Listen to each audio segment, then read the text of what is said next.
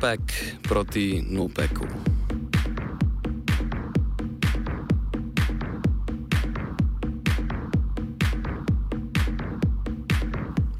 Pozdravljeni v torkovem offsajdu, v katerem bomo zaplavali v vrtince svetovnih naftnih trgov. Organizacija držav izvoznic nafte, krajše OPEC, je skupaj z zaveznicami, s katerimi se o črpanju in izvozu nafte dogovarjajo v okviru OPEC, sprejela dogovor o zmanjšanju proizvodnje nafte za 2 milijona sočkov dnevno. Vodja demokratske večine v ameriškem senatu Chuck Schumer je v odgovor na odločitev OPEC-a dejal, da v senatu razmišljajo o možnosti sprejetja zakonodaje, ki bi omogočila Združenim državam tožiti države OPEC-a. Pri tem se je skliceval na zakon imenovan Brez kartelov za proizvodnjo in izvoz nafte, krajše NOPEC. Zakon, ki ga imajo v ZDA na mizi že dve desetletji, a je komaj maja letos prestal glasovanje v senatnem odboru, bi prilagodil protimonopolno zakonodajo ZDA in preklical suvereno imuniteto, ki je ščitila članice OPEC plus in njihove nacionalne naftne družbe pred tožbami. Če bi bil zakon sprejet, bi državni tožilec ZDA lahko tožil naftne družbe oziroma države članice OPEC-a na zvezdnem sodišču.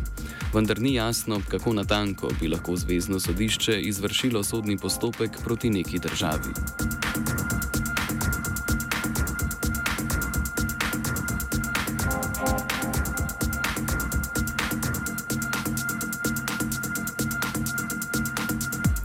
Igor Dekanič, profesor na Rudarsko-geološko-naftni fakulteti v Zagrebu, pravi, da se količina proizvedene nafte z odločitvijo OPEC-a ni bistveno spremenila, bo pa dogovor vplival na ceno. Pa, e, OPEC sada proizvodi praktično manje više iste količine nafte kao i u prošlosti. Nije, nije se proizvodnja niti toliko bitno povećala niti nešto smanjila. OPEC ide na smanjenje proizvodnje kako bi s obzirom na burzovni način formiranja cijena sirove nafte nafta poskupjela. I time će OPEC povećati svoje prihode i da kako profite. I to je, to je razlog cijele priče. A, e, oni su najavili smanjenje za otprilike 2 milijuna e, barela na dan. To je taman otprilike toliko da bi cijene nafte mogle poskupjeti za desetak e, dolara ili dostići ili približiti se 100 dolara po barelu. E, time će se povećati prihodi OPEC-a. Time će OPEC i sve zemlje OPEC-a koji izvoze naftu će dobro zarađivati ili bolje nego što su prije. I to je, to je svrha, svrha cijele stvari. Cene nafte v zadnjih dveh letih postopoma padajo, kar ustreza državam bogatim z nafto.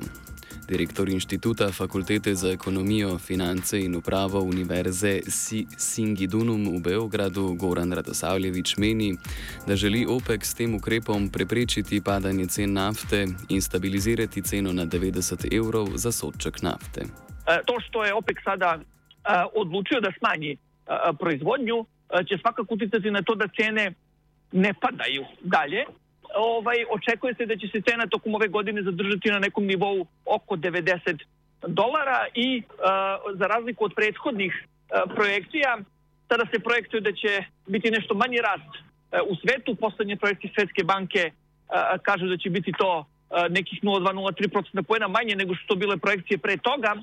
Ovaj, I to je sve uslovilo da se i ponuda, odnosno očekivana proizvodnja u narednom periodu smanji. Dakle, to će svakako uticati na to da cena ne padne dodatno i verovatno će oni držati da ta cena ne padne ispod tih 90 dolara. Uvedba embarga na rusko nafto strani evropskih držav je po mnenju Dekaniča OPEC-u ponudila dobro priložnost za izkoriščanje njegovega položaja na naftnem trgu. Pa sigurno da je vezano, jer ratom u Ukrajini i proglašavanjem europskih sankcija prema Rusiji, Europa je najavila da će postepeno smanjiti, odnosno odustati od uvoza ruske nafte. E, time Europa mora potražiti naftu na drugoj strani. Gdje nego u OPEC-u. A kad je bolja prilika za OPEC da digne cijene, sada, nego sada kad velikom kupcu, a to znači europskim zemljama, treba nafta. Prema tome OPEC je naprosto poskupio kao i svaki veliki, rekao bih, polu ili para monopolistički proizvođač i kad u povijesti. Razlog za grožnje Združenih držav Amerike z OPEC-om je predvsem izvajanje političnega pritiska na OPEC, v katerem je največja izvoznica nafte Saudska Arabija. Kot pravi Dekanič, zvišanje cene nafte ustreza tako OPEC-u kot ZDA, ki so sicer med največjimi proizvajalkami nafte in zemljskega plina. Sjedinjene američke države prije svega time deklariraju, rekao bih, političku kritiku e, prema OPEC-u. Međutim, e, više cijene nafte odgovaraju, odgovaraju i Sjedinjenim američkim državama, jer Sjedinjene američke države u ostalom su najveći proizvođač nafte i najveći proizvođač prirodnog plina i zapravo više cijene i njima odgovara jer njihove kompanije koje izvoze naftu e, ubiru velike prihode i velike profite. Prema tome to njima u suštini odgovara ali da kako ne smijete, nitko ne smije priznati da mu to odgovara, nego mora ga javno kritizirati u tom smislu su američke kritike, rekao bih, spadaju u sferu ono što bi politički cinici rekli političkog alibija.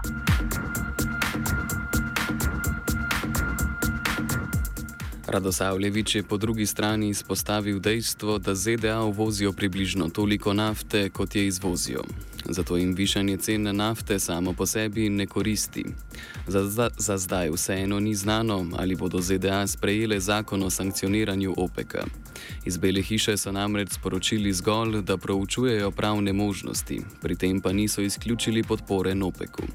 Vendar na vprašanje ameriških novinarjev o NOPEC-u niso odgovorili. Dekanič ob tem dodaja, da ZDA ne morejo kar tako sankcionirati mednarodne organizacije. Sjedinjene američke države bez obzira na svoju moć ne mogu sankcionirati međunarodnu organizaciju. E, da li će Sjedinjene američke države isto tako najaviti embargo na uvoz opekove nafte mogu jedino u Sjedinjene američke države, a u Sjedinjenim američkim državama ne treba opekova nafta. Isto kao što su Sjedinjene američke države prve proglasile embargo na uvoz ruske nafte, Amerikanci su uvozili e, milion tona ruske nafte godišnje, dakle skoro ništa. Prema tome to je također bio svojevrstan alibi. E, Sjedinjene američke države istodobno nisu prekinule veliki e, projekt Sahalin od nekoliko desetaka milijardi dolara investicija najvećih američkih zajedno s najvećim ruskim kompanijama u istraživanje i proizvodnju nafte, plina, e, proizvodnju LNG-a, odnosno ukapljivanje e, plina i tako dalje na poluotoku Sahalin. Već su samo to sa izravno američkih kompanija prebacile na neke treće posredničke organizacije.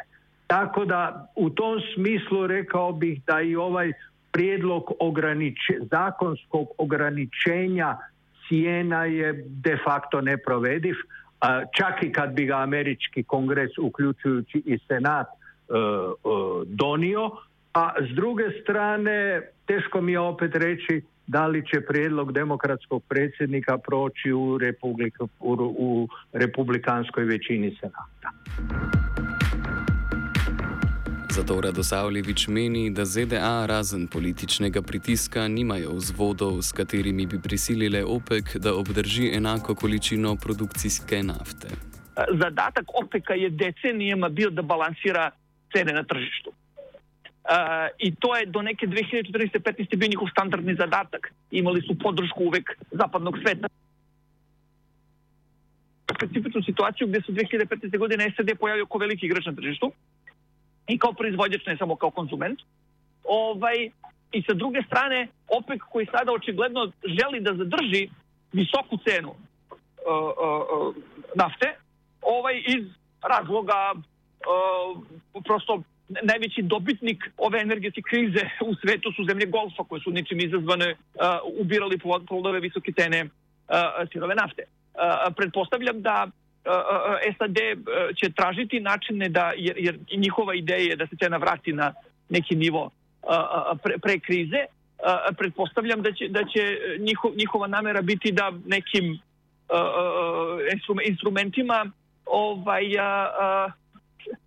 nateraju OPEC da zadrži proizvodnju na, na višem nivou. Ali mislim da osim političkih pritisaka teško da tu ima nekih instrumenta jer taj kartel u suštini tako funkcioniše već više decenije.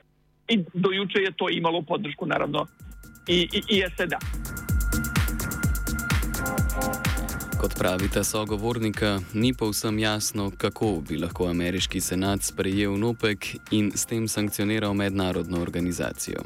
Če bi mu to uspelo, pa je po drugi strani vprašljivo, ali bi strah pred sankcijami dejansko vplival na količino in ceno proizvedene nafte OPEC-a. Zahodni očitki OPEC-u, da z zvišanjem cene nafte pomaga predvsem Rusiji, so prav tako na trhlih tleh. Kot je pojasnil Radosavljevič, mora Rusija tako ali tako že zdaj večino svoje nafte izvažati po znižanih cenah, saj ji zaradi izpada popraševanja evropskih držav nafta ostaja.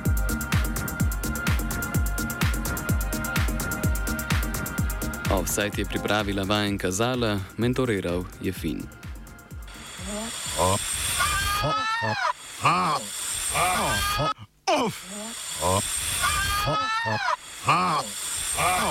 Offside.